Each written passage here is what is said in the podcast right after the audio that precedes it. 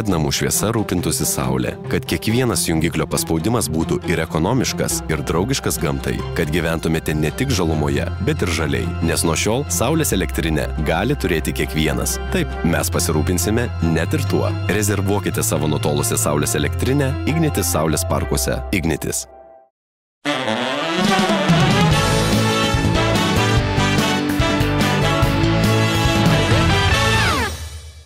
Sveiki, bičiuliai, laikykitės ten pokalbiai. Jūsų dėmesiui kalbėsime apie Harvardą, apie gyvenimo sprendimus, apie Bernie Sandersą, be abejo, apie koronavirusą ir apie barzdas. Ir apie daug, daug kitų temų. E, su mano šios dienos arba šio vakaro, arba žiūrint tada, kada žiūrit šio ryto svečių, politologu, Rytų Europos studijų centro vadovu Linu Kojalą. Sveiki, Linai. Sveiki. Kaip karantinuojatės? Toks, žinai, tradicinis klausimas. e, Ar jūs esate iš tų, kur mm, eina iš proto, nes nežino, ką daryti, ar iš tų, kurie eina iš proto, nes darbo tiek daug, kad nespėja nieko? Turbūt labiau antra grupė. Antra. Mhm. Susikaupė per tuos metus keliarius darbų, kurių tu nespėjai atlikti, nes vis lakstai, skraidai arba organizuoji renginius ir turi visuomet tą tokį pasiteisinimą, tai dabar jau turi sėdėti prie kompiuterio ir dirbti. Ir iš tikrųjų, kai pradedi ryte ir baigi vakare, paaiškėja, kad ta diena prabėga labai greitai ir to net karantino tam tikrą prasme nesijaučia, nes tu esi įnikęs į darbus. O yra tie kažkokie ypatingi nepatogumai, kuriuos pajutot ar, ar asmeniniam gyvenime, ar, na, na, be to, kad, aišku, tu esi suvaržytas, bet gal turit kažką specifinio. Man pagrindinis nepatogumas buvo tai, kad Skype'as labai dažnai pakipdavo. Iš tikrųjų rimta bėda, dėl to perėjom į Zoomą. Dabar jau su kolegomis bendravom per Zoomą ir dabar dėl to bėdų nebeiškyla, tai manau, kad viskas vyksta pakankamai sklandžiai ir tikrai neturiu ko skūstis. Mm. Bet iš tiesų, kai pagalvoju, kaip greitai per tris savaitės e, frazė susimytinam zoomę e, tapo absoliučiai new normal dalyku.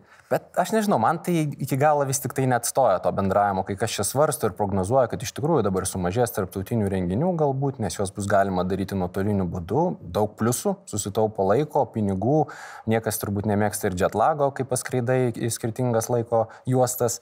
Na, bet man atrodo, to santykio su žmogumi, kurį tu gali užmėgsti, to neformalaus ryšio ir, pasikalbėjimo jo, to telekonferencijomis, Skype'ais, Zoom'ais niekada nesukursi. Mm. Tai manęs iki galo gal neįtikina tas argumentas, kad viskas, mes jau dabar zoominsimės ir pamiršime, ką reiškia kitokio pobūdžio bendravimas, bent jau tam tikrose erdvėse. Aš manau, kad gal tiesiog mes e, buvom užsiciklinę ties tuo gyvu ir net negalvojam apie tokį alternatyvą, kol nebuvom priversti. Man teko irgi kelis trumpus pranešimus skaityti tarptautinėje erdvėje, tai ten yra nu, įspūdinga tūkstantį žmonių. Tu juos, principė, matai, tu su jais visais gali pabendrauti. Na, aišku, net stos, bet bus, bet bus įdomu. Gerai, e, Linai, e, apie kar koroną, apie karantiną mes dar pakalbėsim, truputėlį šiek tiek apie, apie patį. Ir man, aišku, labai smalsu yra a, pasikalbėti apie paties studijas Harvardo universitete. Fulbrighto stipendiją gavot, tai yra, na, kas top 2, top 3 turbūt universitetas pasaulyje čia. Jeigu paklausė amerikiečių, tai turbūt sakys numeris vienas, ar ne, jeigu sakys britai, britai sakys ramiai. Top 3 po mūsų tų dviejų. E, Kaip nutiko, kad pateko ten? Norėjau, Labai norėjot. Labai norėjau, kryptingai to siekiau. Aišku, tas procesas vyksta šiek tiek atvirkščia tvarka, tu iš pradžių gauni stipendiją, o paskui su ta stipendija bandai įtikinti universitetą, kad jis turėtų tave priimti. Kitaip tariant, tu jau turi tą pinigų kapšą, mhm. kuris leidžia tau nesinervinti, kad tu neturėsi iš ko susimokėti, bet tada jau universitetas turi atidaryti tau duris. Tai procesas gana ilgas, prasideda nuo to, kad tu gauni stipendiją ir tuomet jau bandai įtikinti universitetą, kad tavo atliekami tyrimai, kad tavo pasiekimai, kad tavo veikla yra derama, kad tave priimtų į tą bendruomenę ir, ir laikytų jos nariu. Nes aš suprantu, kad Harvardui čia visiškai nesvarbu, kad yra tas kapšas pinigų. Čia toksai yra nu, apatinis dalykas. Jis privalo būti ar ne, bet kad tu turi, jam čia nėra labai aktualu. Jam aktualesni kiti dalykai. Kokie? Jie turi galimybę rinktis. Taip. Ir iš tikrųjų visuomet man akcentavo labai paprastą dalyką. Pamirškit pažymius. Mums neįdomu jūsų pažymiai. Mes visi, kurie suvažiuojam į Harvardą ir dar tūkstančiai, kurie jį aplikuoja, bet nepatenka, puikiai mokosi, yra dešimtukininkai ar kokioje kitoje skalėje be matuotų tą rezultatą. Mums reikia kažko ypatingo. Kad jūs greta savo dešimtukų veiktumėt kažką daugiau. Na pavyzdžiui, kiekvieną sekmadienį, jeigu dar, pavyzdžiui, esate moksleivis, vyktumėt kokį 50 km į kitą miestą tam, kad išklausytumėt paskaitų apie ekonomiką, mhm. nes jūs domitės šitas rytimi ir tokiu būdu įrodot, kad sekmadieniais ne lovai leidžiat laiką, ne Netflixą žiūrit, o iš tikrųjų investuojat į save. Tai jie sako, mes ieškom tokių kabliukų ir bandome atrasti žmonės, kurie peržengia vidutinę ribą, sakykime taip. Ar tas faktas, kad jūs esate iš Lietuvos, turėjo įtakos teigiamos, neigiamos, ar realiai jokio skirtumo?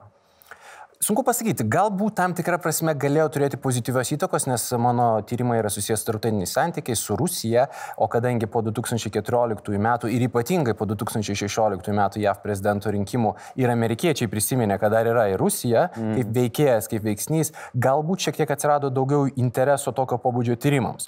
Bet to aš tiesiogiai negaliu susijęti, aš tik tai galiu spekuliuoti, kad tai galėjo būti viena iš paskatų, nes vis tik tai jie yra labai dideli, turiuomenį Harvardą, jie turi daugybę tyrimų krypčių ir jos mm. Vystosi metai iš metų, tai tokie labai dideli pokyčiai per trumpą laiką neįvyksta. Daug šokinėjot aukštin žemyn, kai gavot patvirtinimą? Nemažai. nemažai. Porą kartų tai tikrai, kas jau yra nemažai man.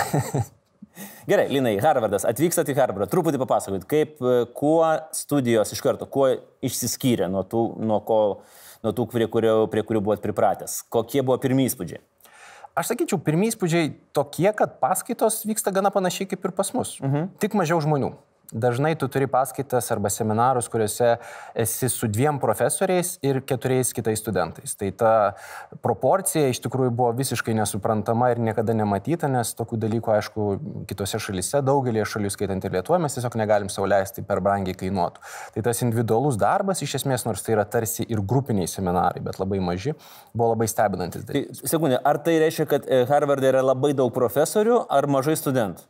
Ir tas ir tas. Mhm. Tas santykis yra iš tikrųjų labai geras ir jisai skiriasi skirtingose fakultetuose, bet ten, kur aš buvau, jisai iš tikrųjų buvo labai geras ir tu matydavai, kad praktiškai kiekvienas profesorius žino kiekvieną savo studentą ir žino taip gerai, kad net įsivaizduoja maždaug jo tyrimų kryptis ir gali ar valgyklo, ar kitur jam patarti, nes tiesiog jie neskaičiuoja masės kaip naudos, o skaičiuoja pridėtinę vertę kaip naudą. Aš kaip suprantu, dar studijos išsiskyrė ir tuo, kad uh, buvo galima pačiupinėti gyvai žinomus žmonės, Taip. kurie atvyksta. Kokie įspūdingiausi buvo susitikimai, su kuo teko pabendrauti ir kas paliko didžiausias? Buvo tikrai daug įspūdingų, man gal įsiminė Michaelas McFallas, buvęs Junktinių valstybių ambasadorius Rusijoje Barako Obamos laikotarpyje. Jis iš tikrųjų e, atvyko į tokį renginį, kuris yra irgi įprastas Harvardui, labai nedidelis susirinkimas, jame dalyvavo gal 25-30 žmonių, reikėjo iš anksto registruoti, skubėti tą padaryti. Ir tokioje uždaroje terpėje jis na, labai atvirai pasakojo apie knygą, kurią tuo metu buvo parašęs, kaip tik išleidęs apie savo ambasadoriavimą Rusijoje, bet kartu ir apie tokius asmeninius įspūdžius. Na, pavyzdžiui, kaip jis ruošė prezidento Obama susitikimams su Putinu, kaip jie vyko, kadangi jisai tiesiog juose dalyvavo ir panašiai. Bet iš tikrųjų tokio pobūdžio ir tokio rango žmonių yra tiek daug, kad ten kiekvieną dieną iš esmės tu gali skirti ne paskaitoms, o tokiems, na, uždariems, pusiau atviriems susitikimams, nes man atrodo, jie ir kūrė didelę pridėtinę vertę. Kuo dar studijos skiriasi? Pats, aš, pats procesas. Aš sakyčiau, jie labai daug investuoja dalykus, kurie yra už to formalaus akademinio išsilavinimo ribų. Ką tai reiškia? Na, pavyzdžiui, jeigu tu studijuoji bet kokį iš esmės dalyką, bet ypatingai tarptautinius santykius ar politiką, tau reikia mokėti rašyti. Dėl to jie rengia labai daug kursų greta studijų, tai nėra studijų tiesioginė dalis, tiesiog tu savanoriškai mhm. užsiregistruoji ten ir pasirinkai, ką nori daryti, pavyzdžiui, kaip rašyti straipsnį kaip užsirašinėti paskaitose, kaip padaryti gerą pristatymą ir panašiai. Tokie atrodytų dalykai, kuriuos na, studentai patys turi mokėti arba, arba jau mokėti, arba bent jau būti išmokę studijų metu, bet jie tam skiria labai didelį dėmesį ir man atrodo, kad tai yra labai šaunu, nes tu supranti, kad tave rengia ir labai gyvenimiškai praktikai tu turi mokėti dalykus pateikti, kuriuos žinai mhm. aiškiai, suprantamai ir tokiamis formomis, kurios yra pačios geriausios Harvardo manimu. Ar buvo momentas per tas studijas, kai pradėjo kirbėti abejonės e, dėl tolimesnio gyvenimo pasirinkimo, aš turiu menį geografiškai? Nes e, pataisykite, jeigu klystu, bet aš manau, kad Harvardo diplomas Junktinėse valstijose yra vertingesnis negu, negu čia. Ar ne? Ar, ar, jūs, ar jūsų karjera yra tokia, kad jau iš principo didelio skirtumo nėra kur? Ne, aš taip, tolimesnė aš turiu. Taip nesakyčiau, aš kaip tik sakyčiau, kad Kembridže, kur yra Harvardas, Harvardo absolventų yra labai daug ir tu ten neišsiskiri jį turėdamas arba studijuodamas universitete, nes ten tiesiog yra labai daug tokių, tuo labiau, kad yra ir MIT ir daugelis mhm. kitų universitetų, labai didelė koncentracija akademinio gyvenimo ten. Tai tu turi, tartum, turi išvykti iš tos erdvės, bet nuvykęs į kitą miestą vėlgi tu susiduri ir su kitų universiteto absolventais, ypatingai mano srityje. Politikos mokslai, tarptautiniai santykiai vis tiek tu negali labai nutolti nuo Vašingtono, nuo New Yorko, nuo Bostono, na gal Los Andželas, San Franciskas, kažkur kitur tu didelės karjeros gal ir nelabai galėsi padaryti.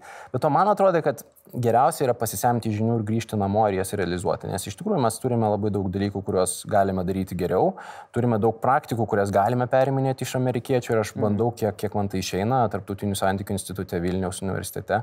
Taip pat dėkti tos dalykus, kuriuos pamačiau ten. Linai, apskritai, Lietuvoje yra toksai stereotipas, kad mums iš tiesų tai yra įdomu, kas vyksta pas mus.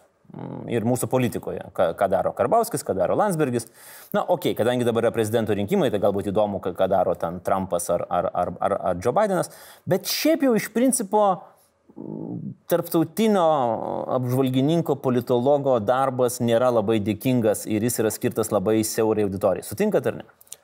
Sutinku. Mm. Iš principo sutinku ir tam tikrą prasme aš ir noriu, kad tai taptų labiau prieinama žmonėms, kurie niekada nesidomės tarptautiniais santykiais e, kaip pagrindinė savo gyvenimo na, šaka arba interesų sritimi, bet kartu nori suvokti tuos procesus, pagrindinės tendencijas ir na, jas suprantamai perskaityti ar pamatyti. Dėl to aš daug paustinu Facebook'e ir kitose erdvėse trumpų žinučių tiesiog uh, pa, paaiškindamas pagrindinius procesus taip, kaip man jie atrodo, be abejo, ir bandydamas jais galbūt tam tikrą prasme sudominti mūsų gyventojus. Nes aš nemanau, kad Lietuva šiuo atveju yra išskirtinė. Ne, tikrai ne. Amerikiečiai tas, nu... lygiai tas pats. Galingiausia pasaulio valstybė labai susikoncentravusi į save, daugelis jos. Na, nu, bet tai yra suprantama, jiems iš principo jie iš viso gali visą gyvenimą pragyventi net nepasižiūrėję, kas vyksta už jų sienų. Nu, mes turbūt neturim tokios privilegijos. Turbūt ne. Ir manau, kad mums reikėtų domėti šiek tiek daugiau. Bet aš turiu pasakyti, kad nors teigiu, kad tai galbūt yra nišinės rytis, bet mano patirtis rašant knygas, pavyzdžiui, apie Europą, jinai buvo labai pozityvi. Aš kai parašiau knygą apie Europą ir paskui apvažiavau Lietuvą, regionus su jos pristatymais, buvau įsitikinęs, kad pristatymai vyks maždaug taip. Aš pakalbėsiu apie savo knygą, papasakosiu ten, va, susitikau kažką Bruselėje, pamačiau mhm. tokią ir tokią Europos Sąjungą ir paskui mes perėsime į Karbauskis, finansai, mokesčiai, dar kažkokie skandalai ir panašiai. Nieko panašaus. Nuvažiuoji į Birštoną, žmonės klausinėja apie Italijos bankų situaciją. Nuvažiuoji į, į kokią nors kitą regioną, vėlgi klausimai pirmiausiai susijęs su migracija, su galbūt tuo, ko mes galime tikėtis artimiausioje ateityje santykėje su Rusija ir panašiai. Mm. Tai aš suprantu, kad aš turbūt pritraukiau tą dalį žmonių, kuriems tokie dalykai įdomus ir jie atėjo į tuos renginius, bet kadangi susitikimai buvo gana gausus, aš sakyčiau, kad man įspūdis daug geresnis negu galvojau. Mm. E, Linai, e, pernai gavote labai intriguojantį pasiūlymą keisti darbo kryptį. E, tuo metu dar išrinktasis prezidentas Gitanas Nausėda buvo kvietęs į savo komandą. Mandagiai atsisakėt. Ar jaučiat, kad tai buvo labai geras sprendimas, geriausias metų sprendimas? Tikrai nejaučiu taip ir manau, kad daug ką praradau, nes be abejo ta pozicija būtų leidusi matyti procesus, kuriuos aš dabar aptarinėjau labai iš distancijos, mhm. tiesiogiai būti tuose susitikimuose, gauti informaciją, kuri yra neprieinama ir panašiai. Tad tikrai buvo, nuoširdžiai sakau, aš suprantu, kad tai skamba kaip klišė, buvo didelė garbė sulaukti šalies vadovo pasiūlymo. Bet tuo pačiu tu supranti, kad eidamas tas pareigas, būdamas patarėjų, tu su pirma tampi valstybės iš esmės tarnautojų, tu tampi tuo žmogumi, kurio laisvė reikšti savo mintis yra šiek tiek suvaržoma, tai yra mm. natūralu, tu tampi prezidento atstovu, turi atsisakyti kai kurių dalykų, kurie man yra patrauklus, knygų rašymas ir, ir kalbėjimas vėlgi apie politiką taip, kaip aš noriu. Ne, turbūt knygų rašymo nereikia atsisakyti, tik tai aišku, reiktų jau filtruoti, ką jūs ten rašot. Tai vadinasi, Sako, reikia. Bazarą truputį pafiltruoti. Kad... Tai vidinis tas toks sakymas, kad negali to, negali Leno, man atrodo kol kas... Cenzūra. Taip, mm. nepriimtinas ir ta laisvė kol kas patrauklė. E, aš, Lina, ištrauksiu vieną jūsų citatą iš, iš to meto. E, mandagiai atsisakėt, taip, garbė, viskas tvarkoja. Ir sakėt, visada būsit pasirengęs pagelbėti. Žvelgiant į šių mėnesių įvykius ir į tikrai daug kritikos, kurios sulaukė prezidentas, dabar jau toks politologinis klausimas. Ar reikia gelbėti prezidentą? Šitam gyvenimo etape, ar jis yra situacijoje, kur tiesiog na, nelabai galima ten kažką ir padaryti. Kaip galvojate? Na, aš nežinau, ar jis manęs klaustų tokių patarimų, aš turbūt labiau jo tarptautinę politiką būčiau kuravęs ir būčiau ieškojęs sąlyčio taškų su tą pačią Lenkiją, su kuria buvo bėdų, ypatingai dėl pasienio kontrolės ir su ES, kurios vadovų susitikimuose matome ne, nepaaiškėjančius ateities susitarimus dėl biudžeto ir panašiai. Tai nežinau, ar tai yra mano veiklos rytis, kuri būtų. Na, bet įsivaizduokim modelį, nu, susirenka bendri patarėjai, jūs irgi patarėjas ir ten e, prezidentas sako, nu, Linai, klausyk, nu, jau šitas lojimas, aš jau nebegaliu, nu, tu, a, a, nu ką man daryti, ką daryti, ką patartumėte? Aš manau, Gelbėk. prezidentas pasirinko kryptingai, turbūt, aš taip tik tai spėju, tikrai nežinau, e, pasirinko tokią poziciją, kad vis tik tai sprendimus priminėja vyriausybė, jį juos pirmiausiai komunikuoja, mhm. prezidentas truputėlį galbūt ir konstituciškai save suvokdamas kaip tokį veikėją, žaidžia antrąją partiją, sakydamas, kad taip, skvernelis kalba, Veryga kalba, aš esu šiek tiek tolėliau. Dabar klausimas, kas yra šalies vadovas Lietuvoje. Aš tai nežinau to atsakymo. Čia kiekvienas prezidentas pasirenka savo modelį. Tai toks galbūt yra prezidento nausėdos modelis. Tai savaime nėra blogai. Nes aš sakyčiau, kad mums yra labai sunku apibriežti prezidento galės Lietuvoje ir prezidento įtaką Lietuvoje, nes pats prezidentas didelė dalimi pasirenka, kur tą įtaką plėsti, kur būti aktyviam, kur ne. Mm. Ir tai savaime nėra nei gerai, nei blogai. Jeigu mes matysime gerą rezultatą, vertinant visuomenės pasitikėjimą, jeigu bus geras rezultatas, kalbant apie koronaviruso suvaldymą, aš manau, kad tada negalėsime sakyti, kad šalies vadovai elgesi savaime neteisingai. Okay. Uh, grįžtam dar prie jūsų, uh, prie jūsų uh, dėstytojo, dėstytojo darbo. Nežinau, ar jūs žinot tą faktą, kad studentai desperatiškai bando išgooglinti jūsų gimimo tikslę datą. Ir niekaip nepavyksta. Ir netgi yra legenda, kad esat gimęs 90 metų kovo 11. Tiesa ar ne? Netiesa. Netiesa. Ne iki galo tiesa. 90 metai yra tiesa. Aš visada labai džiaugiuosi, kad gimiau tuo pačiu metu, kai buvo atkurta Lietuva.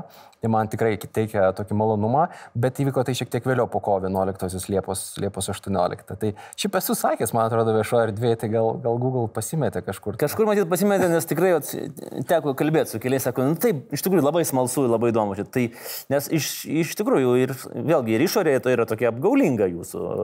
Kažkada net esat paklausęs ir sakęs, kad gal reikėtų užsiauginti barzdą, kad rimčiau atrodytumėt. Nekontempliuojat tokio plano? Turiu pasakyti, bandžiau tą daryti, kai keliavau Junktinėse valstijose ir buvau šiek tiek atitrūkęs ir galvojau, galiu leisti savo paeksperimentuoti, nepatirdamas kaštų dėl įvaizdžio, bet supratau, kad, na, turbūt ne man. Tiesiog vizualiai man nepatiko tas vaizdas ir jau geriau pakentėsiu tą mm kvestionavimą amžiaus, kuris dabar jau yra retesnis, nu bet, nu, taip, šitas... bet nesirodysiu toks, koks buvau ten. Jaunas amžius ir jauna išvaizda turi privalumą, kad su laiku jie nunyksta. Išsisprendė. Bet, žinot, mes pasidarėm keletą tokių modeliukų. Nežinau, pagalvokit, va čia yra toksai va, vienas, va, parodysim ir žiūrovams, ir jums, kaip galėtumėte atrodyti. Čia toksai švelnesnis vienas variantas. Kitas variantas štai va toks būtų. Bet čia jau toks truputėlį jau kaip ir pranašus tinkantis. čia jau ortodoksų bažnyčios. O čia jau metkirtys dar tuo pačiu metu politologas. Tai va, žiūrėkit, šitą mes jums dovanojame, jūs pasilikit su uh, antraja pusė, aptarkite šitą, šitą variantą ir va, iš karto jau yra modelis. Amerikoje panašiausias, ko gero šitas buvo. Nu, tai, kažkas... Šitas būtų labai keista, jeigu Amerikoje būtų tas, tas ketvirtas variantas, bet uh, būtumėt labai. Ir jeigu eitumėt, pavyzdžiui, su kokiu nors dar kolega, kuris yra plikas, tai jūs puikiai puikus duetas galėtų būti arba kokios nors diskusijose su, kad ir to pačiu ministru Veryga. Ok, e, pamodeliuokim truputėlį tokių, daly, to, tokių dalykų. Įsivaizduokim, bet aišku, taip nenutiks, bet karantinas, ar ne? Ir štai jūs karantine atsidurėt vienoje patalpoje kažkuriam laikui su kokiu nors politiniu lyderiu. Taip pirmas klausimas, su kuo labiausiai norėtumėt ir su kuo nenorėtumėt, o po to aš pasiūlysiu dar keletą kitų variantų. Gerai, na, labiausiai norėčiau tai lengva atsakyti su, su Džordžu Bušu jaunesniuoju. Mhm. Manau, kad tai labai didelį įtaką padaręs ir mūsų regionui prezidentas, jo metu, aišku, Lietuva įstojo į NATO ir mūsų saugumo garantijos pakilo į naują lygį ir kadangi kaip tik nesiniai rašiau knygą apie Junktinės valstijas ir jos užsienio politiką, man atrodo, kad jo vaidmuo ir asmeninis vaidmuo visame tame buvo gana ryškus. Tai nebuvo tik sisteminiai procesai, dėl kurių mes tapom NATO nariais, bet ir atskirų lyderių sprendimą ir valingą poziciją. Tai tikrai būtų įdomu pasikalbėti ir apie mus, ir apie tai, kaip dabar jisai turbūt reflektuoja kitus savo sprendimus, tokius kaip Irakas. Na, manau, kad ten jau daugiau. Bet čia ne tik tai pasikalbėti reikėtų, čia reikėtų dar ir, ir, ir kartu valgyti, gaminti, ir, ir žiūrėti, taikytis prie viens kitos silpnybių ir kitų dalykų puiku, o kas gali būti geriau negu sėdėti su tokiu žmogumi ir semtis iš jo tų žinių ir patirties, kurią jisai įgyjo. Čia būtų fantastika. Ok, o su kuo nenorėtumėt? Tikrai nedėkčiau norų pasikalbėti su, su Vladimiru Putinu. Mm. Man atrodo, nebūtų miela būti su jo patalpoje, net ir labai trumpą laiką, ką jau kalbėti apie karantiną. Na nu, gerai, o jeigu reiktų rinktis, vėlgi pagal įdomumo pokalbių, pagal asmeninės savybės, pagal tą tokį bendros erdvės išlaikymą, pagal toleranciją, iš tų, iš tų dviejų politikų, galite rinktis tik tai vieną iš dviejų, nu, vat, uždaro jūs dviem savaitėm į karantiną. Kim Jong-unas ar Donaldas Trumpas? Donaldas Trumpas. Trumpas. Trumpas. Nesakyčiau, kad jis būtų aukštai sąraše, su kuriais būtinai norėčiau pasikalbėti, nes man atrodo, mes labai daug jo matome tikro kasdien žiniasklaidoje. Aš nežinau, ar už jos lypi kažkokia gelmė, kurią atskleistų karantinas ir parodytų visiškai kitokiam spalvom šį asmenį. Nesu tikras, aišku, tai yra tik spėjimas. Tai galbūt greitai išsisemtų tas pokalbis ir jeigu jisai negautų nuolatinių dirgiklių iš šono, tai nebūtų labai įdomu. Bet Kim Jong-unas irgi netrodo man pats įdomiausia, pati įdomiausia persona, turiu pripažinti. Jūs uh, su Donaldu Trumpu dar turit vieną bendrą ir labai blogą savybę. Ar žinot kokią? Ne. Jūs mėgstat vieną baisų dalyką. Abu du. Neįsivaizduoju. Dietinė Coca-Cola. Visiška tiesa. Baisu. Aš, pavyzdžiui, aš nu, pagaliau matau žmogų gyvai, kuris tai, tai mėgsta. Siaubas. Taip, ir aš nelabai mėgstu normalią kolą, jos o negaliu ragauti, man jinai neteikia didelio malonumo ir dėl to, kai nuvykstu į Ameriką, kadangi Lietuvoje nebeturim dietinės kolos, turim tik zero, o tai nėra tas pats, tai tenka arba užsipirkti, arba atsiragauti per tą laiką, kai ten pabūni, kad nereikėtų paskui namuose verkti. Netikėtina. Jeigu kas ne. galėtų atvežti, būčiau dėkingas. Gerai, a, truputėlį apie kelias politikas patologinės koronos pasiekmes arba galbūt į įvykius, kurie turi tam tikrą įtaką, kuriems turi tam tikrą įtaką virusas. Vis daugiau diskusijų įvyksta, vyksta, kad korona fone e, vyksta ir demokratinės, ir autokratinės sistemos tam tikros grumtynės. Kaip Jūs įsivaizduojat, ar pamatysim kažkokį tai e, rimtą slinkti į vieną ar į kitą pusę? Na, turbūt galbūt logiškiau į tą kitą pusę, auto, autokratinę pusę, kur tvirta ranka, uždarytos sienos, palikim taip, kaip yra, suvaldėm koroną, suvaldysim ir, ir, ir žmonės ir taip toliau. Kaip Jūs galvojate? Aš norėčiau tikėti, kad ne. Ir kaip tik prieš keletą dienų teko telefonu kalbėti su generolu Jonesu, jisai buvo Barack Obamos nacionalinio saugumo patarėju ir kaip tik mes šitą aspektą nagrinėjom. Ir aš jam teigiau, kad, na, turbūt yra nemažai ekspertų, kurie sako, kad dabar stiprės autoritarizmas, visiems žmonėms reikia greitų sprendimų, o demokratija nėra greitų sprendimų mechanizmas. Bet jisai sako, na taip, mes matysime Kiniją ir jos įtakos plėtimą galbūt į tokias tarpinio tipo valstybės, kuriuose gali būti stiprinamos autoritarinės tendencijos, bet kartu koronavirusas gali sutelkti, na, tai buvo lūkestis turbūt labiau negu konstatavimas mhm. to, kas vyksta dabar, sutelkti demokratinės šalis ir parodyti joms, kad demokratijos veikia. Na pavyzdžiui, juk virusas prasidėjo Kinijoje ir turbūt nemaža dalis kalties tenka ir Kinijos vyriausybei, kad jį labai ilgą laiką tą slėpė, neleido gydytojams kalbėti, neleido informacijai apie tai, kas vyksta Kinijoje, sklisti į pasaulį ir dabar mes turime globalią pandemiją, o nesuvaldytą atvejį. Be to, kai mes kalbam, kad na va Kinija, pažiūrėkit, išsprendė situaciją, turbūt viena vertus negalime tuo tikėti, nes nežinome, kas ten iš tikrųjų vyksta. Ir pamirštame, kad, pavyzdžiui, Pietų Koreja, demokratinė šalis, laikydamasi demokratinio žaidimo taisyklių, taip pat sugebėjo suvaldyti situaciją. Vadinasi, tas autokratinių režimų efektyvumas yra, man atrodo, šiek tiek perdėtas mm. argumentas. Ir jis tikrai ne visada veikia. Koronaviruso atvejs yra, manau, ir bus dar vieną kartą to pavyzdys. Dar vienas e, politinis momentas, kuris e, prieš vat, mūsų pokalbį įgyjo labai aiškę formą, tai yra Amerikos prezidento rinkimai. Jie, jiems koronavirusas turėjo labai didelį įtaką, ypatingai demokratų primariams, kur turėjo būti labai rimta kova gyvai su, su debatais ir panašiai, viskas užsidarė. Ir e, vakar Bernis Sandersas pareiškė, kad jisai pasitraukė iš, e, iš, iš lenktynių. Kaip galvojat, e, kiek įtakos turėjo virusas būtent, sakykime, demokratiniam, demokratų apsisprendimui? Na, ne apsisprendimui, o paties Sanderso apsisprendimui, nes dabar jau viskas aišku su, su, su jais yra. Aš manau, kažkiek turėjo, nors reikia nepamiršti, kad dar iki karantino e, buvo daugiau mažiau akivaizdu, kad Joe Bideną išstumti iš pirmosios pozicijos Sandersui bus gana sunku. Jis tikrai skynė pergalę po pergalės, Sanderso rezultatai buvo labai prasti ir na, jo noras likti kovoje turbūt buvo iš dalies susijęs su bandymu paveikti kai kurias Bideno pozicijas, o netikėtis, kad jisai dar gali jį pralenkti. Mm. Karantinas, aišku, turbūt paskatino tą procesą, nes, na, akivaizdu, kad demokratams reikia susitelkti. Jie negali kalbėti apie tai, kad neturi kandidato, kai jiems lapkričio mėnesio, tai yra jau visai greitai, reikės nugalėti Donaldą Trumpą. Ir 2016 metų pamokos, ko gero, tam tikrą prasme buvo išmoktos. Ten Sandersas pralaimėjo Clinton, niekada jai to net leido, kova tęsiasi labai ilgai ir galiausiai, kaip matome, demokratai pralaimėjo respublikonų kandidatui. Tai dabar jie turbūt bando būti šiek tiek, na, nuolankesni vieni kitiems ir vis tik tai sutikti, kad mes mes konkuruojam tarpusavį, bet didysis blogis, didysis e, minusas šalyje mūsų yra šalies vadovas ir jį reikia įveikti. Ir jeigu Bidenas yra mūsų pasirinkimas, tebūnė bus Bidenas. Taip, iš tikrųjų, ir ta ir apklausos rodo, kad 16 metais buvo diskutuojama, kas geriausiai atitinka tavo vertybės kaip kandidatas, o, o dabar diskutuojama, kas, kas gali įveikti Donaldą Trumpą. Bet aš norėčiau dar tokį vat, įdomesnį kampą pasimti iš politologinės pusės. 16 mm, metais, e, nu, švelniai tariant, pramazino visi Trumpo pergalę. Dabar labai panaši situacija vyko su demokratais. Daugelis politologų Junktinėse valstijose iki, sakykime, Karolinos, jie buvo nurašę visiškai Bideną. Buvo kalba, kad galbūt kažkas kitas, galbūt atsigaus kažkui Warren, gal dar kažkas nutiks, gal Bloombergas, e, bet Ir niekas iš tikrųjų nebe, ne, nebegalvoja apie tai, kad čia gali būti rimtas konkurentas. Visi jau galvoja, kad iš tikrųjų Sandersas turbūt bus, turės tą nominaciją. Ar Amerikos politika yra tokia neprognozuojama, kad e, su visa jūsų modelių gale, statistiniais e, skaičiavimais, patirtim galų gale, nu nepataiko?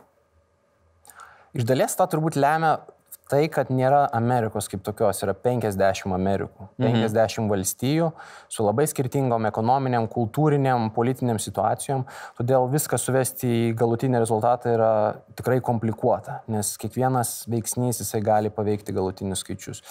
Kitas dalykas, aš vis tik tai manyčiau, kad buvo dar tų, kurie tikėjo Bidenu, nes pagrindinė tezė juk liko galioti tą patį. Demokratai nori žmogaus, kuris gali veikti Trumpą.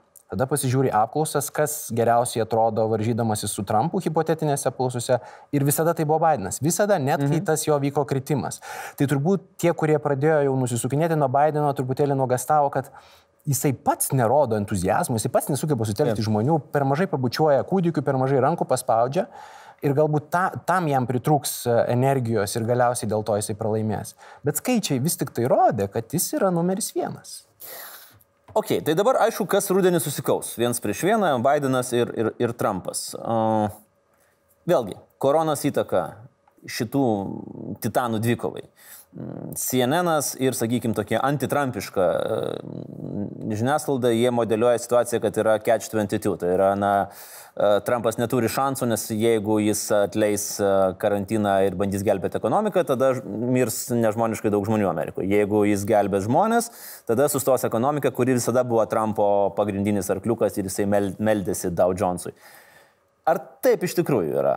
Kaip Jūs galvojate? Aš manau, dabartinė situacija yra tokia, kuri neleidžia taikyti jokių istorinių modelių, nes mhm. tokio pobūdžio karantino iš esmės, na, šimtą metų mes mažiausiai nematėme, o ir prieš šimtą metų, kas buvo, turbūt yra nelygintina dėl įvairių priežasčių. Kaip vyks pats procesas, man įdomu. Na, amerikiečiai turės balsuoti, bet ar lapkritį jau galės tą daryti normaliai?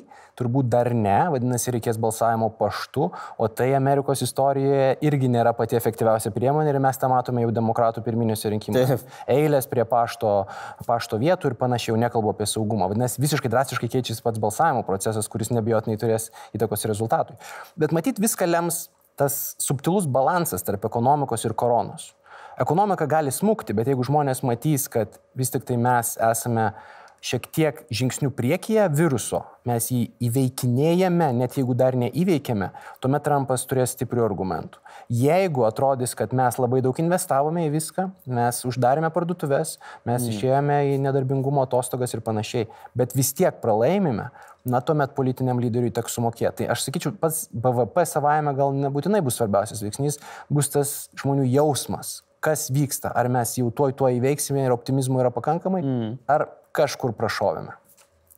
Aš suprantu, kad politologai nekenčia šito klausimo kaip velnės kryžiaus, kai reikia pasakyti kažką konkrečiai ir labai tiksliai, nes po to tu gali prašauti, bet, bet čia ir suvo, suvokim, kad mes kalbam apie uh, balandžio mėnesį esančią situaciją. Tai jeigu dabar žiūrėdamas į rezultatus, į skaičius, į koroną, kuriam atiduotumėt pranašumą? Lapkritį? Daugiausiai įvairaus pobūdžio negatyvių komentarų sulaukiu iki šiol dėl Brexito ir dėl Trumpo. Ir man nuolatos primena, kad jūs tai sakėt, kad Trumpo neišrinks ir Brexitas neįvyks. Kas turbūt galėjo būti įvairiose kontekstuose, manant, kad visos tos prognozijos pasitvirtins. Tai aš dabar bijau sukurti dar vieną precedentą ir vėl prašau. Mes jau iš karto sakom, kad tai yra nu, toks tiesiog educated guess, nes čia su Amerikos prezidento rinkimais tai da, da, dažnai tai būna, kad uh, gali šauti.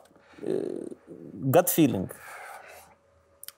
Bidenas turės įrodyti, kad iš tikrųjų geba mobilizuoti tą vidurį, kuris mm. nėra nei kraštutinis respublikonas, kuris kovos už Trumpą bet kokiu atveju, nei kraštutinis demokratas, kuris irgi nesirenka, turi vieną savo kandidatą. Bidenas sako, aš galėsiu sutelkti tuos, kurie yra per vidurį, kurie nėra apsisprendę ir kuriems reikia tradicinio, nuosaikaus, gana centristinio kandidato.